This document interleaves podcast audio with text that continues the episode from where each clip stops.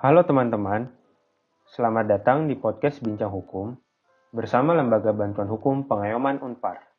Bagi teman-teman yang baru mendengarkan podcast ini, mungkin ada yang belum tahu tentang Lembaga Bantuan Hukum Pengayoman Unpar. Lembaga Bantuan Hukum Pengayoman Unpar merupakan suatu lembaga yang memberikan konsultasi hukum secara gratis pada masyarakat yang memiliki permasalahan hukum, khususnya masyarakat Kota Bandung. Selain itu, kami juga memiliki beberapa kegiatan rutin, yaitu penyuluhan hukum, pelatihan hukum, siaran radio, podcast, konseling hukum, serta rapat kerja tahunan. Berhubung saat ini kami tidak dapat menerima konsultasi hukum secara tatap muka, bagi teman-teman pendengar yang memiliki permasalahan hukum dan hendak melakukan konsultasi, dapat menghubungi kami melalui email di lbh.pengayoman@unpar.ac.id atau melalui media sosial kami. Untuk Instagram di @lbhpengayoman, Twitter at lbh underscore pengayoman, dan Facebook di LBH Pengayoman. Informasi lebih lanjut mengenai LBH Pengayoman Unpar dapat diakses melalui www.lbhpengayoman.unpar.ac.id. Nah, kalau begitu tidak perlu berlama-lama lagi, simak podcast berikut ini.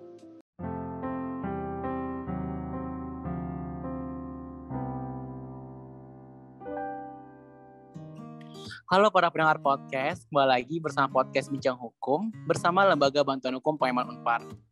Mungkin para pendengar tidak asing lagi dengan suaraku. Perkenalkan, aku Golando yang tentunya akan menemani para pendengar dalam podcast Bincang Hukum episode kali ini.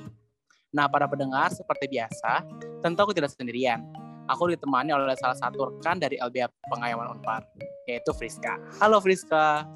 Hai Kak Gaul, apa kabar? Baik Friska, kamu gimana kabarnya? Puji Tuhan baik juga Kak. Nah, hari ini kita mau bahas apa nih Kak? Nah, jadi hari ini kita bakal membahas topik yang menarik dan tentunya memberikan manfaat nih bagi para pendengar. Kalau para pendengar bisa lihat di judul podcast kali ini, hari ini kita bakal membahas mengenai wakaf tanah di Indonesia, Fris. Mulai dari pengaturan sampai problematikanya, gitu, Fris. Wah, menarik juga ya Kak. Dan yang aku dengar juga, narasumber yang akan membawakan topik ini itu nggak kalah seru juga Kak. Betul banget, Friska. Nah, mungkin tidak perlu berlama-lama lagi, langsung kita sambut saja salah satu dosen di Fakultas Hukum Universitas Parayangan, yaitu Bu Dewi Sukma Kristianti, SHMH. Halo Bu Dewi. Halo Bu Dewi. Selamat malam. Malam juga Ibu. Bagaimana kabarnya Bu? Alhamdulillah sehat. Kalian sehat-sehat juga kan ya? Tetap jaga kesehatan di tengah pandemi yang tidak berkesudahan ini. Betul banget Bu. Kalau masa pandemi ini emang kita emang harus jaga kesehatan sih ya Bu ya. Iya, betul sekali. Oke Bu, tadi kan aku dan Friska udah sempat bahas bahwa kali ini kita bakal membahas mengenai wakaf tanah Indonesia. Dan kita akan membahas mulai pengaturan sampai problematikanya. Tapi mungkin sebelum jauh ke situ, pertanyaan dari aku ini kali ya Bu. Sebenarnya apa sih urgensi dari topik podcast kali ini Bu? Oke, okay. apa sih yang menjadi urgensi atau kayak kepentingannya atau hal penting gitu ya dari topik mengenai pelaksanaan wakaf tanah di Indonesia ini baik dilihat dari pengaturan maupun problematikanya itu karena uh, begini Gaul dan Friska wakaf ini uh, khususnya tanah ya ini merupakan suatu bentuk gitu ya perbuatan atau katakanlah perikatan hukum gitu yang praktiknya itu sudah dilaksanakan jauh sebelum Indonesia merdeka gitu ya. Bahkan mungkin jauh sebelum uh, penjajah masuk gitu ya.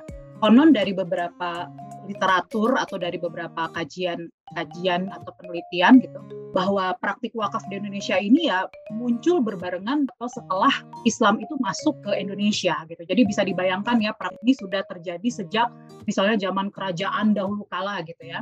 Nah, Artinya kan praktik ini harusnya sudah terbiasa gitu ya dilakukan oleh masyarakat Indonesia khususnya beragama Islam. Tapi persoalannya adalah praktik yang sudah ratusan tahun ini ternyata sampai dengan sekarang gitu ya problem-problemnya atau masalah-masalahnya itu tetap aja gitu, tetap aja muncul, tetap saja menjadi uh, sesuatu yang tidak pernah terselesaikan gitu ya, selalu ada saja gitu ya persoalan-persoalannya. Dan ini yang menurut saya menjadi apa? Uh, menjadi satu hal yang menggelitik sebenarnya bagi bagi seorang uh, akademisi kalau saya gitu ya. untuk apa namanya mengkaji kemudian melihat apa sih sebenarnya persoalan yang kerap muncul ini. Nah, ternyata praktik yang sejak dahulu kala sampai dengan sekarang persoalan yang selalu muncul itu adalah karena berkaitan dengan uh, satu kurang pahamnya gitu ya masyarakat uh, khususnya yang beragama Islam terhadap konsep jadi sering tertukar dengan konsep-konsep lainnya di dalam apa namanya uh, bentuk peralihan atau konsep perbuatan hukum yang lain, misalnya dengan hibah atau dengan wasiat dan sebagainya. Itu sering tertukar. Padahal ini kan praktiknya sudah ratusan tahun ya, tapi ternyata kok tetap aja gitu ya persoalan ketidakfahaman atau mungkin apa mal konsep lah gitu ya eh, terhadap konsep wakaf ini selalu terjadi. Misalnya contohnya gitu ya eh, salah satunya tuh putusan yang diangkat nih gitu ya eh, apa yang yang cukup menarik gitu ya dalam putusan Mahkamah Agung nomor 85K AG 2012 itu kan sebenarnya bermula dari kesalahan konsep dalam mengalihkan harta yang dimiliki gitu ya. Nah, itu Kemudian problem juga yang sangat penting gitu atau yang kedua itu adalah malfungsi uh, wakaf atau objek wakaf. Itu banyak ternyata apa objek wakaf yang tidak sesuai dengan fungsi uh, apa uh, atau sesuai dengan tujuan dari dibuatnya uh, akad wakaf itu gitu ya.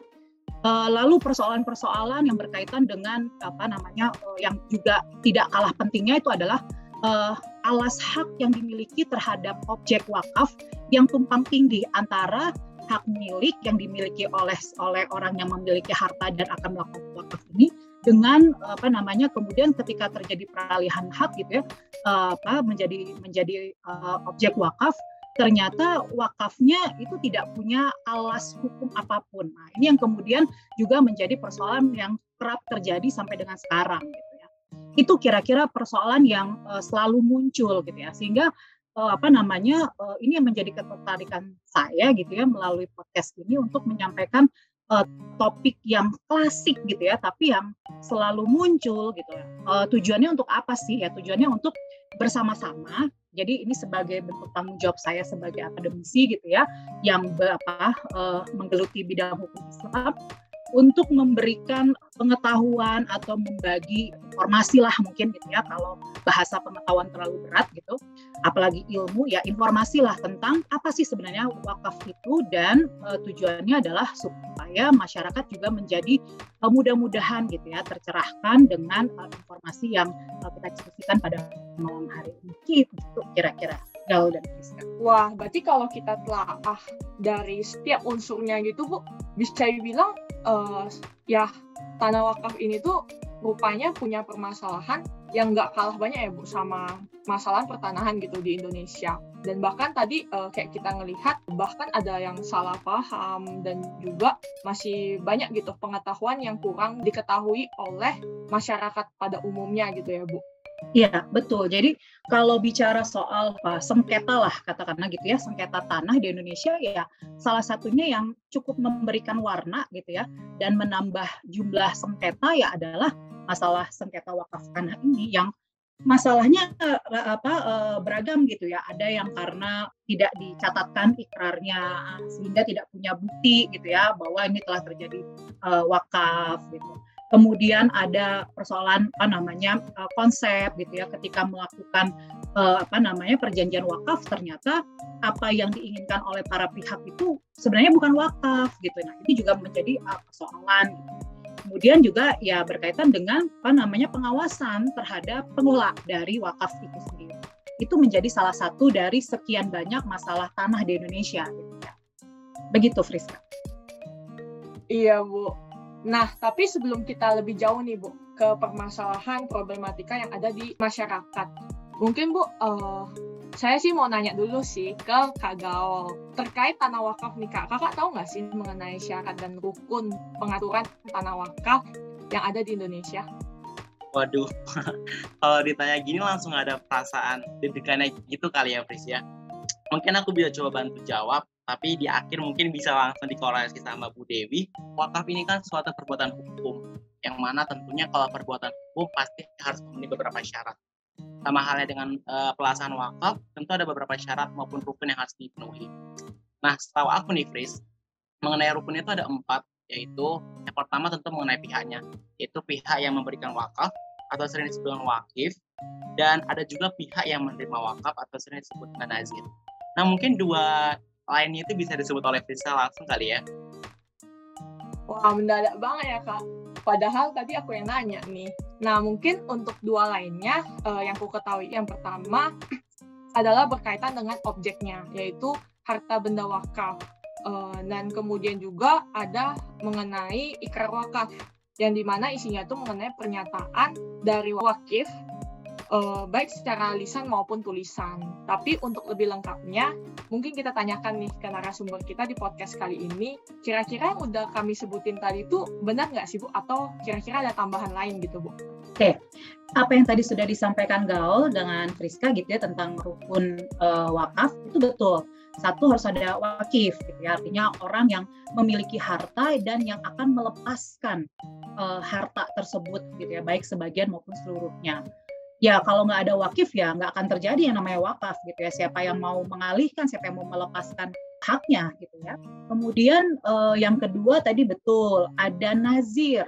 Nazir ini siapa sih? Nazir ini adalah orang yang menerima eh, apa eh, objek wakaf untuk dikelola. Tapi uh, nanti penjelasan lebih detailnya nazir itu sebagai penerima uh, kemudian bagaimana haknya itu nanti kita akan uh, jelaskan di apa bagian berikutnya ya supaya nggak tindih. Tadi kemudian yang ketiga harus ada objek betul objeknya adalah uh, harta benda wakaf. Nah maka kalau wakafnya tanah ya harus harus objeknya berupa tanah gitu ya atau misalnya benda tetap lainnya rumah gitu ya. Tapi sebenarnya uh, Friska dan Gaul apa yang menjadi objek wakaf itu tidak hanya sempit dimaknai atau difahami dengan uh, objek wakaf itu harus berbentuk tanah atau atau bangunan atau rumah gitu atau benda tetap. Sebenarnya objek wakaf itu sudah sangat berkembang di dalam prinsip hukum Islam itu tidak membatasi seperti itu. Nah, apa saja yang bisa menjadi objek ini beragam gitu ya, bisa berupa saham, bisa berupa uang, bisa berupa uh, hak kekayaan intelektual dan sebagainya yang uh, pastinya tidak akan saya apa namanya uh, diskusikan pada malam hari ini karena waktunya nggak akan cukup. Mungkin nanti di podcast lainnya ya kita bisa uh, sharing lagi tentang wakaf saham seperti apa, wakaf hak kekayaan intelektual seperti apa dan sebagainya. Kemudian yang keempat tadi ada ikrar wakaf gitu ya, artinya ada ada pernyataan atau ada sigot gitu ya, atau uh, sering juga diartikan ada akadnya, ada ada serah terimanya gitu ya, ada perjanjiannya, betul. Nah, tapi keempat itu merupakan rukun yang menjadi dasar yang memang diatur di dalam sumber hukum Islam. Namun sebenarnya kalau kita mau melihat lagi di dalam pasal 6 Undang-Undang 41 tahun 2004 tentang wakaf, ditambahkan dua lagi itu Friska dan Gaul uh, rukunnya yang kelima dan keenam, yaitu peruntukan harta benda wakaf. Jadi objek yang mau diwakafkan ini difungsikan untuk apa? Nah itu harus ada. Nah, kenapa di dalam apa namanya prinsip hukum Islamnya nggak disebutkan jelas tuh gitu ya tentang peruntukannya? Karena sebenarnya uh, peruntukan itu kalau di dalam prinsip hukum Islamnya sudah masuk di dalam ikrar wakaf atau uh, apa namanya perjanjian wakaf. Tetapi di dalam undang-undang wakaf ini dipertegas harus ada pernyataan secara jelas atau di, diikrarkan fungsinya atau tujuannya dari wakaf uh, harta ini di, di apa di, diwakafkan gitu ya itu peruntukannya untuk apa sehingga ketika para pihak membuat perjanjian wakaf maka tidak boleh menyimpangi dari apa yang sudah disepakati mengenai peruntukannya misalnya tanahnya mau dipakai untuk membangun sekolah misalnya. Lalu ternyata di pertengahan jalan nazirnya belok arah nih gitu ya. Ah, jangan dibangun sekolah deh, tapi dibikin misalnya eh, apa gedung kemudian gedung itu disewakan gitu ya supaya manfaatnya menjadi lebih besar lalu pemasukannya ada bagi hasil nanti makin makin memperbesar lagi misalnya. Nah itu nggak boleh gitu. Kenapa? Karena di dalam pasal 6 undang-undang wakaf ini sudah menegaskan peruntukan harus sesuai dengan apa yang ada di dalam ikrar wakaf.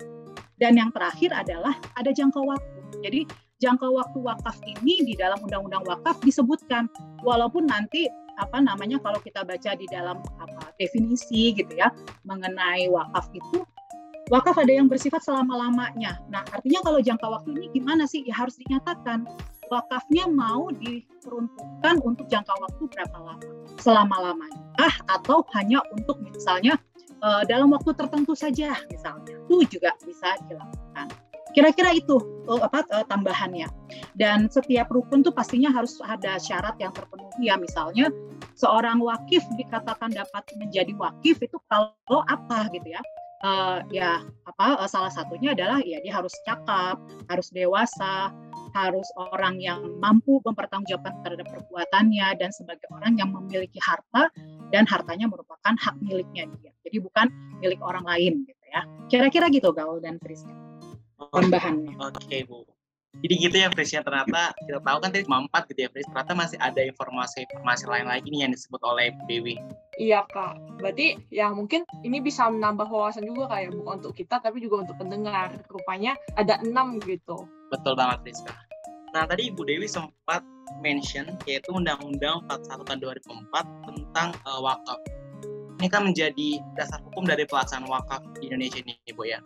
Tapi sesuai dengan pembahasan kita sebelumnya, bahkan tadi Bu Dewi juga sempat bilang bahwa pelaksanaan atau praktik dari wakaf ini sudah ada jauh sebelum kemerdekaan. Nah, kalau berkaitan itu, Bu, sebenarnya ada nggak sih perbedaan dari dasar hukum sebelum adanya undang-undang wakaf ini sampai sekarang udah adanya undang-undang wakaf tersebut, Bu? Oke, okay kalau kita apa namanya melihat ke ini udah mulai masuk ke dasar hukum ya. Jadi bagaimana sih pengaturannya wakaf ini di Indonesia? Nah tadi saya di awal juga sudah sempat menyampaikan gitu ya, sudah apa sudah sempat mention bahwa kalau kita mencoba membagi masa gitu ya, maka pengaturan wakaf di Indonesia ini terbagi menjadi dua, yaitu sebelum kemerdekaan dan setelah kemerdekaan. Kenapa sih demikian gitu ya? Karena sebenarnya pengaturan atau peraturan perundang-undangan yang secara uh, resmi artinya yang memang dimuat dalam suatu peraturan perundang-undangan yang memang sebagai peraturan perundang-undangan yang yang diakui gitu ya sebagai suatu produk regulasi yang berlaku itu adalah pada saat uh, apa namanya dirumuskan dalam undang-undang pokok agraria gitu ya dan di situ masuklah mengenai si wakaf tanah ini. Nah, itu yang sebenarnya menjadi apa ya? Mungkin salah satu salah satu penyebab kenapa orang Indonesia lebih lebih mengenal wakaf itu adalah tanah karena memang mengenalnya gitu ya pertama kali konsep itu masuk ke dalam suatu peraturan perundang-undangan ya melalui undang-undang pokok agraria itu.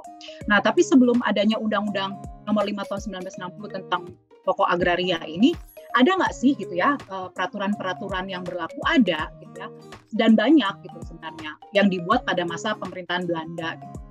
Nah, tapi terus uh, gimana pengaturannya pada saat itu gitu ya?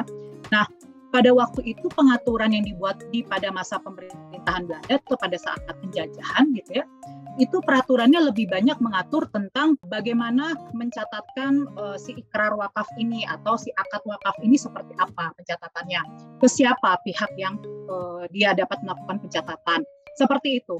Sedangkan untuk substansinya wakaf itu seperti apa, lalu para pihaknya punya hak dan kewajiban apa, di masa penjajahan Belanda itu tidak mengatur sampai ke situ. Jadi untuk urusan-urusan yang berkaitan dengan substansi wakafnya itu diserahkan kepada para pemuka agama atau para ahli hukum Islam lah yang berlaku apa yang terdapat di masyarakat. Itu yang akan melihat kemudian nanti kalau menurut para pemuka agama ini anggap bahwa ikrar wakaf itu sah gitu ya. Kemudian pihak yang melakukan atau membuat ikrar wakaf ini silakan melakukan pencatatan sesuai dengan apa yang uh, diatur gitu ya di dalam uh, peraturan apa yang berlaku di pada masa pemerintahan Belanda. Terus kebiasaan apa praktik kebiasaan itu dilakukan. Nah, kemudian setelah kemerdekaan tadi ya muncul undang-undang pokok agraria mengatur mulai dari pasal uh, yang paling terlihat sekali adalah memang di pasal 409 gitu ya. Nah, itu di dalam undang-undang pokok agraria itu lebih mengatur tentang bagaimana keberadaan dari si tanah ini sebagai objek wakaf gitu ya. Uh, lalu untuk pencatatan, untuk tata cara dan sebagainya pelaksanaannya itu di apa didelegasikan melalui peraturan pemerintah. Nah, sayangnya peraturan pemerintah yang melaksanakan dari pasal-pasal di dalam UTA yang mengatur tentang tanah ini baru muncul justru di tahun 1977 gitu ya dengan dikeluarkannya peraturan pemerintah nomor 28 tahun 1977. Artinya butuh waktu kurang lebih berapa tahun tuh? Dari 60 ke 70 kira-kira 12 tahun eh 17 tahun ya. 17 tahun baru dikeluarkan peraturan pemerintahnya gitu kan. Nah berarti bisa dibayangkan ya gitu ya. Ketika undang-undang wakaf itu muncul tapi kemudian peraturan teknisnya yang berkaitan dengan tata cara pendaftaran dan sebagainya tidak tidak langsung dibuat maka kecenderungan para pihak yang membuat perjanjian wakaf ini untuk menyesuaikan dengan apa yang diatur dalam undang-undang wakaf itu menjadi tidak terlalu apa ya daya paksanya nggak nggak nggak begitu kuat lah karena apa? Memang tidak punya kejelasan terus ini gimana tata caranya? Seperti apa? Gitu ya. Walaupun di undang-undang pokok agraria sih sudah sudah sudah beberapa mengatur itu gitu ya. Nah itu yang muncul pada waktu setelah kemerdekaan. Kemudian pada tahun 2004 baru muncul lagi nih Undang-Undang Wakaf nomor 41 tahun 2004 yang sebenarnya Undang-Undang Wakaf ini dikeluarkan dalam rangka untuk mengubah atau apa ya memperbaiki atau mengatur lebih lengkap gitu ya dari peraturan pemerintah nomor 28 tahun 1977 gitu ya yang dirasa pada waktu itu kalau hanya apa pengaturan wakaf hanya berpaku pada PP 28 tahun 1977, maka wakaf itu nanti nggak akan berkembang nih gitu ya. Orang hanya akan ngertinya wakaf tanah gitu ya dan tidak ada wakaf-wakaf yang lainnya. Nah, makanya kemudian dikeluarkanlah undang-undang tentang wakaf itu Undang-Undang Nomor 41 tahun 2004 dan dengan tentunya peraturan-peraturan pelaksana turunan lainnya yaitu berbentuk peraturan pemerintah baik yang nomor 42 tahun 2006 yang kemudian diubah dengan peraturan pemerintah nomor 25 tahun 2018 gitu ya itu yang yang dianggap paling baru. Nah, kalau tadi pertanyaan Gaul, apa sih yang membedakan gitu ya secara signifikan antara peraturan perundang-undangan atau dasar hukum yang mengatur tentang wakaf sebelum kemerdekaan dan gitu ya. Pastinya kalau pertanyaannya begini, maka saya akan bagi lagi bukan menjadi dua fase, tapi menjadi ke dalam tiga fase. Fase yang pertama pasti pada waktu sebelum kemerdekaan gitu ya, maka pengaturan mengenai wakaf memang secara pencatatan atau pendaftarannya sudah diatur. Tapi mengenai substansinya, gitu ya, mengenai materi dari wakafnya itu tidak diatur di, apa di dalam peraturan perundang-undangan yang dibuat pada masa pemerintah Belanda, sehingga dampaknya adalah bagaimana menafsirkan konsep wakaf itu tergantung daripada para pemuka yang ada di e, masyarakat itu yang bisa saja agama dengan pemuka agama lainnya punya konsep yang berbeda. Misalnya contoh gitu ya, ada satu pemuka agama yang menganut aliran salah satu mazhab gitu ya, yang mengatakan bahwa wakif itu harus orang yang cakap, dewasa, nggak boleh dibawa pengampuan. Tapi oleh pemuka agama lainnya yang menggunakan tafsiran yang berbeda, dari mazhab yang lainnya mengatakan nggak apa orang di bawah pengampuan boleh membuat ikrar wakaf sepanjang si pengampunya gitu ya menyaksikan. Nah ini kan beda tafsir ya sehingga misalnya kalau saya buat buat ikrar wakaf yang menggunakan tafsirnya dari A kemudian misalnya Gaul membuat uh, ikrar wakaf yang menggunakan tafsir B gitu ya kemudian misalnya gitu ya pengaturannya apa eh, dampaknya menjadi perbuatan yang menjadi berbeda ini kan tentunya apa menimbulkan dampak kebingungan di masyarakat. Setelah kemerdekaan, terutama khususnya di sini di masa sebelum reformasi gitu ya, di masa orde orde lama, orde baru gitu ya, wakaf itu lebih diatur dalam undang-undang pokok agraria gitu ya, karena memang undang-undang pokok agraria mengatur salah satunya tentang tanah kan, nah maka tradisi atau kebiasaan pengalihan uh, hak milik tanah di masyarakat itu diambil, ditarik ke dalam Undang-Undang Pokok Agraria itu. Apa yang membedakan di Undang-Undang Pokok Agraria substansi atau apa materi dari konsep akad misalnya berkaitan dengan wakif itu harus seperti apa, nazir itu harus seperti apa, eh, objek yang akan diwakafkan itu harus seperti apa status haknya gitu ya. Nah itu diatur dalam Undang-Undang Pokok Agraria. Itu yang membedakan. Termasuk juga tentunya catatannya, pendaftar sebagainya yang jauh lebih jelas daripada apa namanya sebelum kemerdekaan. Nah, berbeda lagi dengan dasar hukum atau peraturan perundang-undangan mengenai wakaf yang berlaku di masa setelah reformasi gitu ya dengan adanya Undang-Undang 41 tahun 2004 tentang wakaf. Perbedaannya di mana? Substansinya gitu ya, untuk wakif, untuk nazir masih sama. Yang membedakan adalah pada objek wakafnya yang pada waktu Undang-Undang Pokok Agraria hanya membatasi wakaf itu tentang tanah dan peraturan pemerintah nomor 28 tahun 2017 karena merupakan pelaksanaan dari Undang-Undang Pokok Agraria maka dia spesifik hanya mengatur tentang tata cara wakaf tentang tanah gitu ya perwakafan tanah milik. Sedangkan untuk yang wakaf lainnya tuh tidak dikenal. Nah, yang mendobrak atau yang membuka wawasan dan memperbesar objek wakaf itu munculnya justru di dalam Undang-Undang 41 tahun 2004 ini. Selain itu juga yang menjadi pembeda sangat signifikan dari dasar uh, atau peraturan perundang-undangan tentang wakaf di 41 tahun 2004 itu adalah tentang keberadaan Indonesia yang merupakan badan wakaf uh, independen ya kan namanya uh, tugas, fungsi dan wewenang yang memang diatur di dalam Undang-Undang 41 tahun 2004 dan kemudian lembaga ini pun juga mengeluarkan berbagai macam uh, apa namanya peraturan gitu ya baik yang bersifat internal mengikat di di badan wakafnya sendiri maupun yang uh, mengikat masyarakat.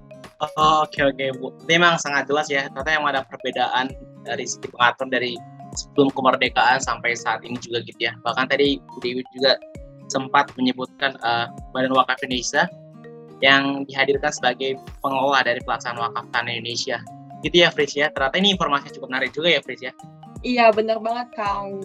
Rupanya uh, di luar daripada peraturan perundang-undangan masih banyak banget uh, peraturan turunan yang juga mengatur mengenai tanah wakaf ini gitu ya Kak. Nah, uh, tapi Bu, kan tadi kita udah mendengar banyak uh, juga ya dasar hukum dan juga uh, bahkan ada lembaga yang khusus gitu untuk mengelola harta wakaf.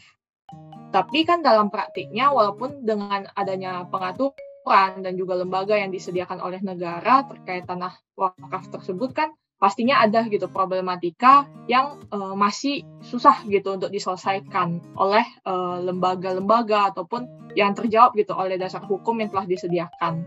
Nah, tadi juga Ibu ada mention nih masalah pencatatan akta ikrar wakaf, terus juga sertifikat tanah wakaf yang di mana hal itu tuh udah sangat umum ya Bu kalau misalnya kita ngelihat di permasalahan tanah di Indonesia uh, pasti banyak gitu permasalahan tentang itu. Nah terkait permasalahan ini nih Bu, bagaimana pendapat Ibu dan juga uh, bagaimana juga status kepemilikan dari tanah wakaf yang di mana beralih dari pemilik harta wakaf kepada pengelola harta wakaf Bu? Mungkin apa gini ya uh, sebelum saya menjawab pertanyaan uh, Friska, saya mencoba untuk menjelaskan dulu gitu ya konsep wakaf itu kalau dilihat dari definisinya uh, dan tadi juga sebenarnya pada saat kita diskusi tentang hukumnya itu juga sudah apa muncul gitu ya konsep wakaf itu seperti apa sih keywords keywords atau kata kunci kata kuncinya apa aja sih gitu ya ini nanti akan sangat menjawab ke pertanyaan Kristen barusan.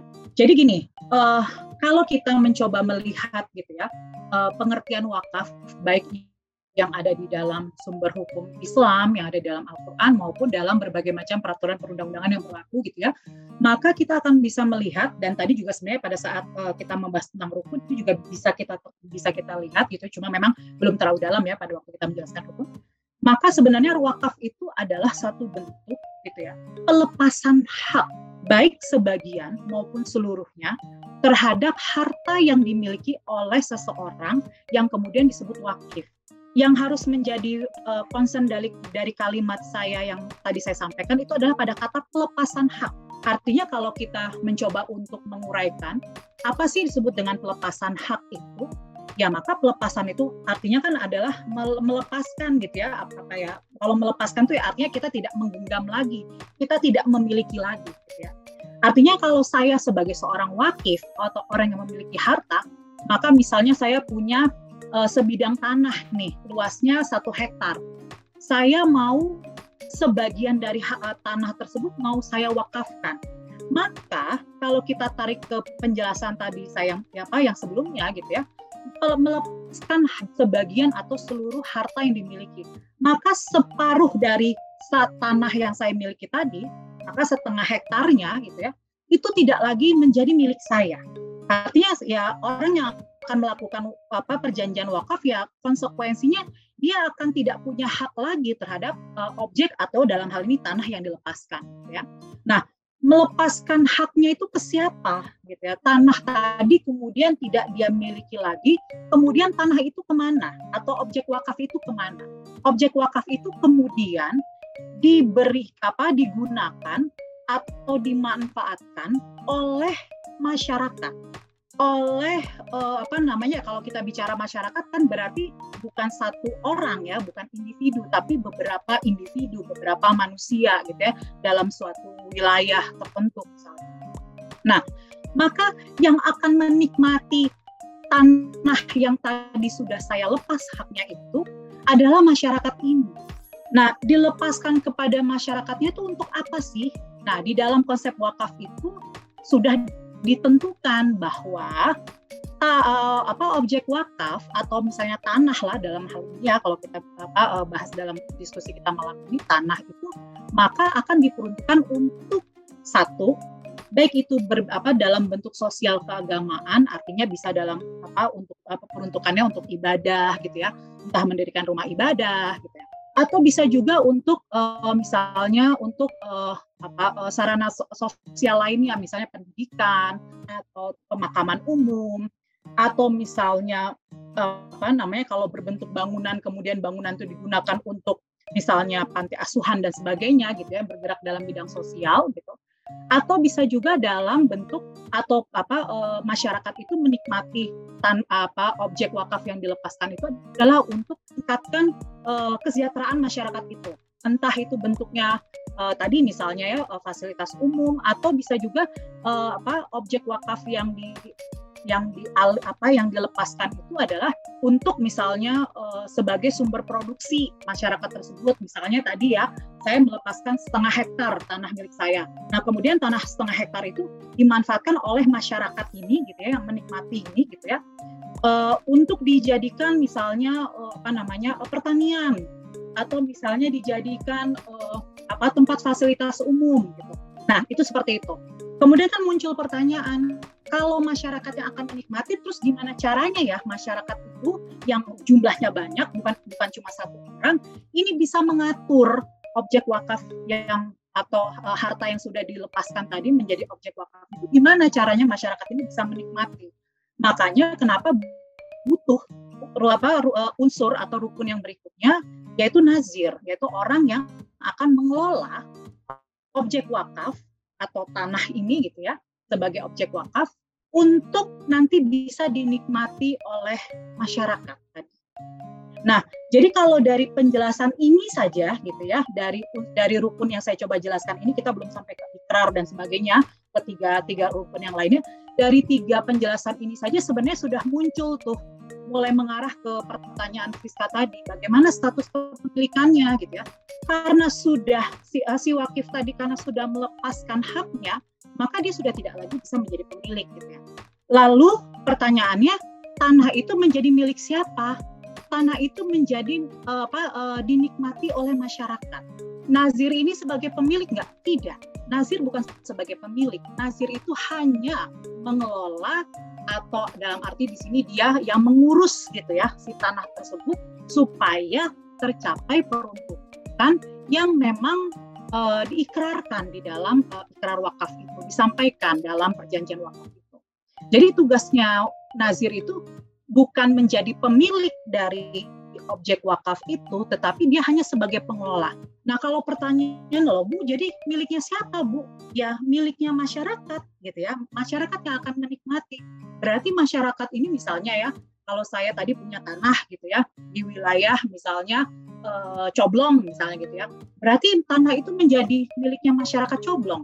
Berarti nanti yang tercatat di BP yang di apa ter, yang tercatat di, BP, di BPN pemiliknya adalah warga Coblong, bukan begitu konsepnya.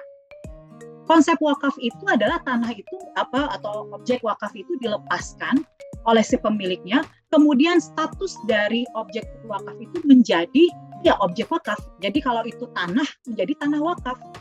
Gitu. Sehingga pemerintah atau negara ketika memperlakukan uh, tanah yang menjadi apa objek wakaf ini, maka dia harus mengakui tanah ini adalah tanah wakaf yang akan digunakan oleh masyarakat untuk apa uh, sesuai dengan peruntukannya gitu. Boleh nggak uh, pemerintah kemudian mengakui itu sebagai tanahnya negara, tanahnya pemerintah? Nggak bisa, karena memang apa uh, tanah wakaf atau objek wakaf itu memang punya punya karakteristik uh, khas ya, punya punya kekhasan bentuknya. Ya dia memang bukan untuk dimiliki. Jadi dilepaskan oleh wakif itu bukan seperti kita melakukan transaksi jual beli atau misalnya hibah gitu ya. Saya punya tanah, nggak saya manfaatkan, saya berikan ke gaul. Nah ini kan beralih pemiliknya dari saya ke gaul. Nah wakaf itu tidak seperti itu. Wakaf itu ya ketika saya melepaskan, maka apa yang saya lepaskan itu adalah untuk tujuan sosial Kenapa? Karena memang wakaf itu termasuk kalau di dalam akad uh, syariah gitu ya, dia merupakan uh, apa uh, perjanjian atau bentuk perbuatan hukum yang masuk sebagai kelompok akad tabaru atau akad yang berdasarkan pada uh, tolong menolong gitu ya. Jadi memang tidak ada profit oriented apa pun. Jadi itu kalau ke apa uh, untuk menjawab pertanyaan Friska tadi terus peralihannya gimana? Ya ketika dia melepaskan maka pemiliknya sudah tidak punya hak lagi atas tanah itu dan tanah itu tidak bisa dijadikan uh, apa namanya objek waris gitu ya maka ya pas dengan uh, status tanah wakaf tadi maka itu akan dimanfaatkan oleh masyarakat yang uh, apa menjadi peruntukan dari tanah wakaf Nah, nah itu yang uh, biasanya nanti akan akan disebutkan.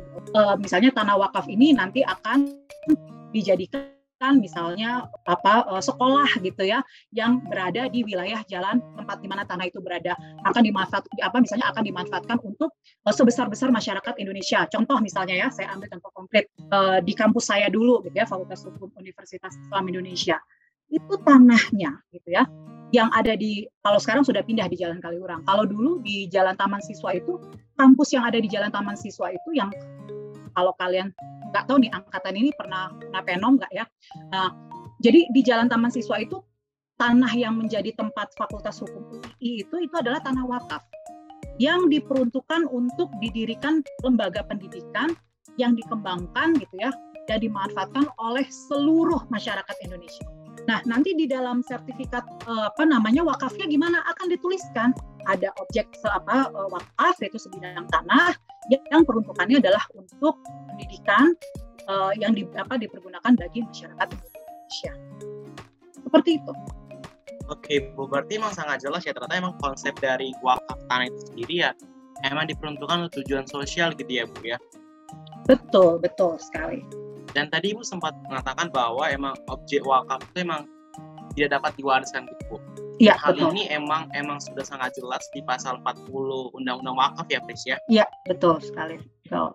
Nah, tapi Bu, kemarin aku dan Rizka sempat baca di keputusan Mahkamah Agung nomor ya. 85 garing AG garing 12 yang mana sebenarnya penggugat itu mengajukan objek wakaf yang disertakan sebagai warisan gitu loh Bu. Padahal kalau kita di pasal 40 kan emang sudah sangat jelas ya emang ya, betul. kata benda wakaf tidak dapat diwariskan. Nah, kalau menurut Ibu sendiri bagaimana? Oke, kalau kita melihat uh, dari kasus posisi putusan MA nomor 85K AGA 2012 itu kan kalau kita coba baca gitu ya satu persatu ini ini mohon koreksi ya kalau saya salah ya karena saya bacanya dengan dengan skimming aja. Saya mencoba melihat bahwa uh, kasus ini tuh bermula dari kesalahan uh, ayah gitu ya dari pemilik harta itu. Saya lupa namanya kalau kalau nggak salah Hasan bin Umar uh, Bahabdullah kalau nggak salah gitu ya Nah, Bapak ha, apa eh, almarhum Hasan ini gitu ya memiliki uh, tanah yang sangat luas di wilayah Bandung gitu ya. Nah, salah satunya kan tanah yang disengketakan itu adalah yang ada di wilayah kalau nggak salah Taman Sari Ciamplas ya, kalau nggak salah itu. Nah, uh, semasa hidupnya si Bapak Hasan ini tuh memang dia uh, sudah menyampaikan kepada ahli warisnya bahwa seluruh harta yang dimiliki oleh beliau ini akan diperuntukkan bagi semua anak-anaknya untuk kebutuhan material mereka.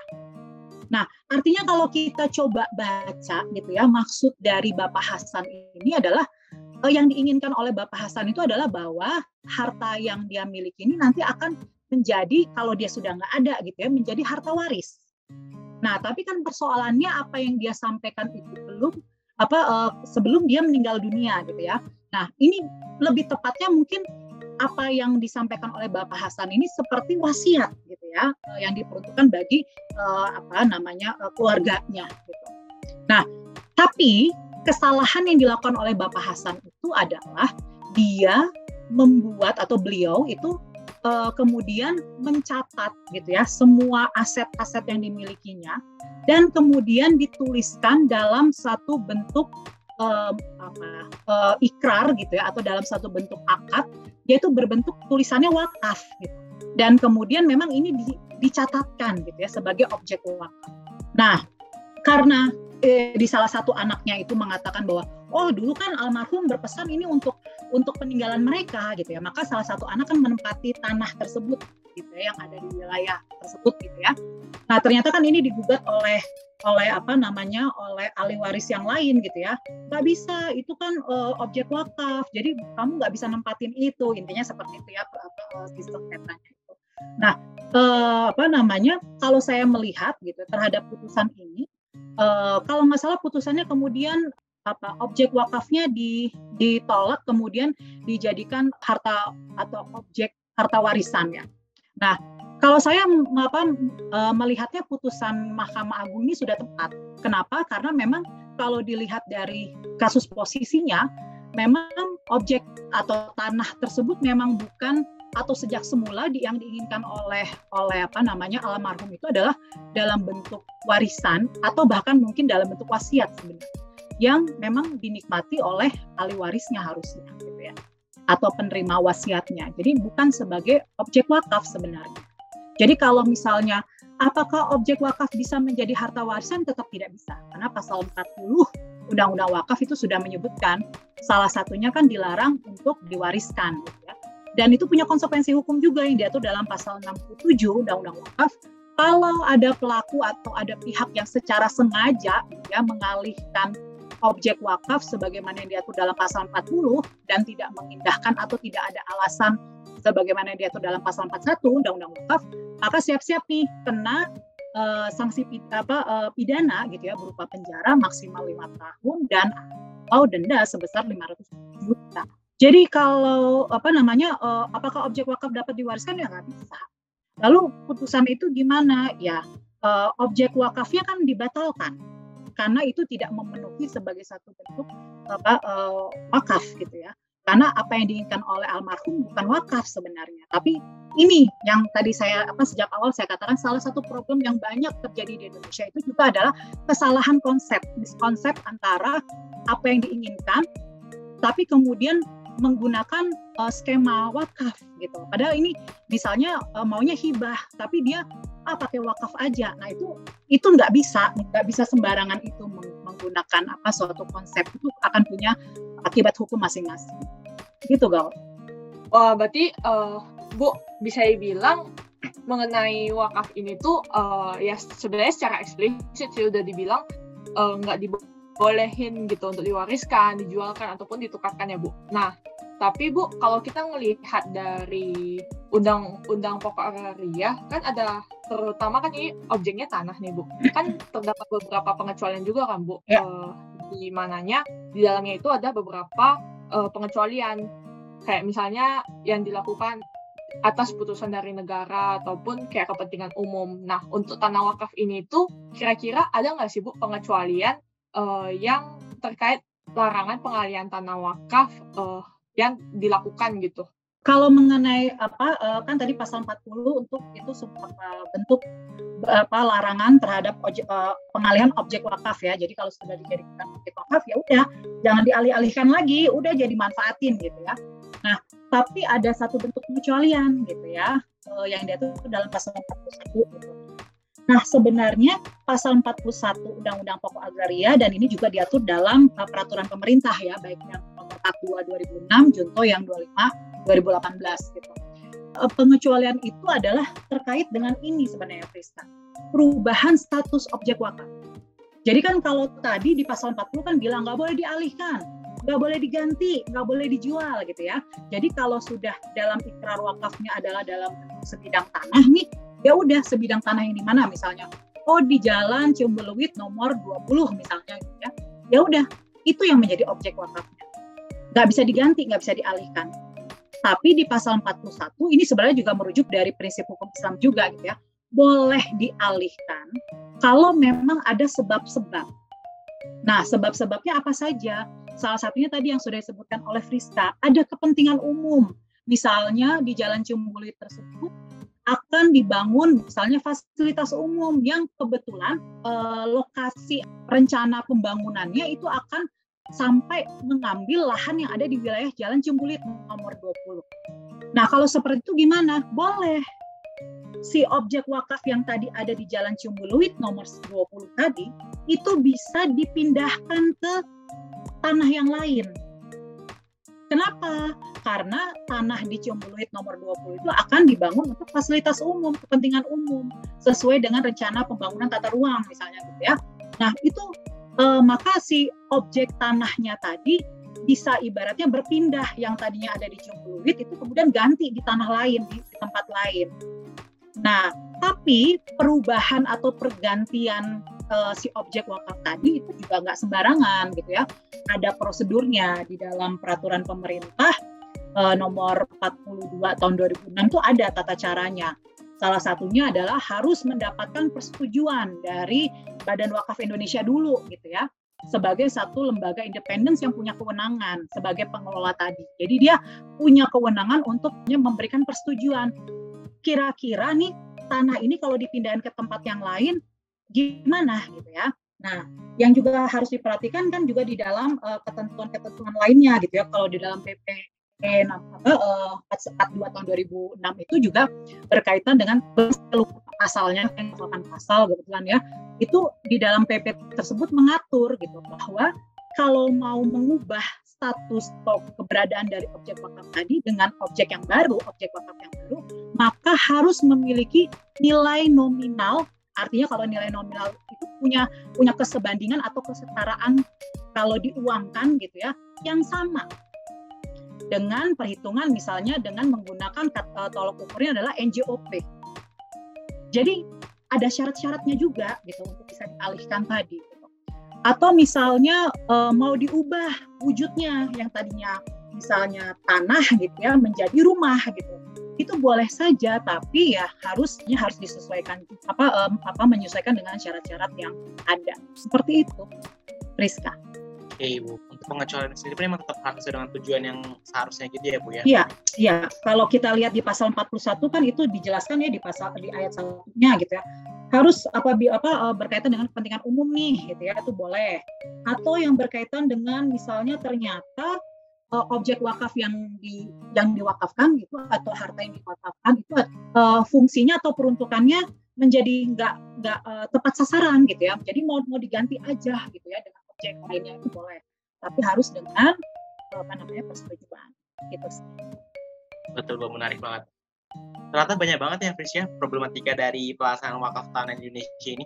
Iya benar banget kak dan sesuai dengan tujuan podcast bincang hukum yaitu memberikan informasi dan fakta hukum bagi masyarakat kayaknya problematika yang telah kita bahas sebelumnya harus disertai dengan solusi juga ya Pris ya dan mungkin bisa langsung naik ke Bu Dewi kalau menurut Ibu sendiri solusi dari beberapa problematika yang telah kita bahas sebelumnya itu apa sih Bu? Oke, okay. uh, eh, solusinya apa nih gitu ya? Tadi banyak problem nih, misalnya tadi ya uh, salah konsep, kalau salah konsep pastinya mau nggak mau solusi yang bisa kita lakukan sebagai bentuk preventif ya harus um, banyak memberikan sosialisasi ya salah satunya melalui podcast atau melalui apa penyuluhan dan sebagainya yang yang itu ras rasanya uh, belum terlalu banyak orang melakukan itu gitu ya. Entah mungkin karena apa persoalan ini sudah sangat klasik gitu ya atau uh, karena faktor lainnya. Kemudian yang kedua eh, juga apa terkait dengan pengawasan sebenarnya yang juga harus diperhatikan gitu ya eh, atau apa dari pihak pejabatnya sendiri gitu ya.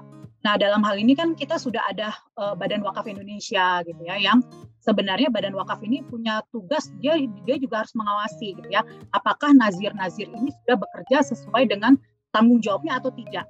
Maka sebenarnya permasalahan-permasalahan ada tanah wakaf yang kosong, tanah wakaf yang terlantar, itu tidak akan terjadi. Gitu. Dan sebenarnya kenapa banyak tanah wakaf yang kemudian menjadi kosong atau terlantar, itu karena nazirnya memang tidak melakukan tugasnya dan tidak ada pengawasan terhadap uh, nazir-nazir yang lalai seperti ini. Gitu ya. Jadi mau nggak mau ya para pejabatnya atau para apa, uh, stakeholder lah gitu ya yang akan melaksanakan uh, wakaf ini ya juga harus benar-benar ya melaksanakan tugasnya gitu ya. Dan yang paling penting ya uh, peraturan perundang-undangannya. Tapi rasanya kalau peraturan perundang-undangan kan sudah cukup mengakomodir. Persoalannya memang di Indonesia itu adalah terkait dengan wakaf ini adalah pada tahapan uh, sosialisasi atau berkaitan dengan kultur masyarakatnya gitu, berkaitan dengan kesadarannya gitu dan juga uh, berkaitan dengan uh, apa namanya uh, pengawasan yang dilakukan oleh uh, stakeholder yang berwenang gitu. Itu dari sisi preventif. Kalau dari sisi represif kan sudah jelas ya diatur dalam pasal 62 Undang-Undang Wakaf. kalau ada sengketa gimana? Ya musyawarah mufakat dulu. Kalau nggak bisa musyawarah mufakat, maka apa yang, yang harus dilakukan? Ya yang harus dilakukan ya mengajukan sengketanya ke pengadilan agama. Begitu kira-kira. Uh, berarti bisa dibilang permasalahan ini itu sebenarnya ada solusinya ya Bu. Cuman ya kita perlu ada efektivitas gitu dari lembaga, pemerintah dan juga uh, masyarakat yang bersama-sama untuk menyelesaikannya gitu ya Bu. Nah Bu, nggak terasa sih Bu, uh, kan topik kita ini udah panjang lebar ya kita uh, jelasin dari peraturannya hingga fenomena yang terjadi gitu di masyarakat. Nah, untuk mengakhiri podcast kali ini nih Bu, uh, apakah Ibu ada closing statement nggak Bu terkait topik yang kita bahas di podcast kali ini? Oke, okay. uh, closing statement saya nggak nggak panjang sih, saya hanya bisa mengatakan bahwa kita sebagai ya akademisi gitu ya punya tanggung jawab untuk tetap mensosialisasikan ini terlepas dari persoalan yang terjadi di masyarakat itu memang menjadi tanggung jawab kita juga untuk memberikan penyadaran karena tujuannya adalah untuk mencapai ya efektivitas dari adanya wakaf tadi untuk tujuannya itu yang sangat mulia sebenarnya untuk meningkatkan kesejahteraan masyarakat melalui objek yang bisa dikembangkan untuk muran ya seperti itu sih Nah, para pendengar, tidak terasa nih kita sudah di penghujung podcast kita kali ini. Tapi sebelum itu, uh, pertama-tama aku mau berterima kasih dulu nih kepada narasumber kita di podcast kali ini, yaitu Bu Dewi, karena bersedia membagikan informasi terkait permasalahan yang sedang kita bahas di podcast kali ini. Nah, tidak lupa juga, aku juga mau berterima kasih kepada partner aku di podcast kali ini, yaitu Kak Gaol, karena telah menemaniku sepanjang podcast. Untuk para pendengar, nantikan terus podcast Bincang Hukum bersama Lembaga Bantuan Hukum Pengayaman Unpar. Sampai jumpa dan salam sehat.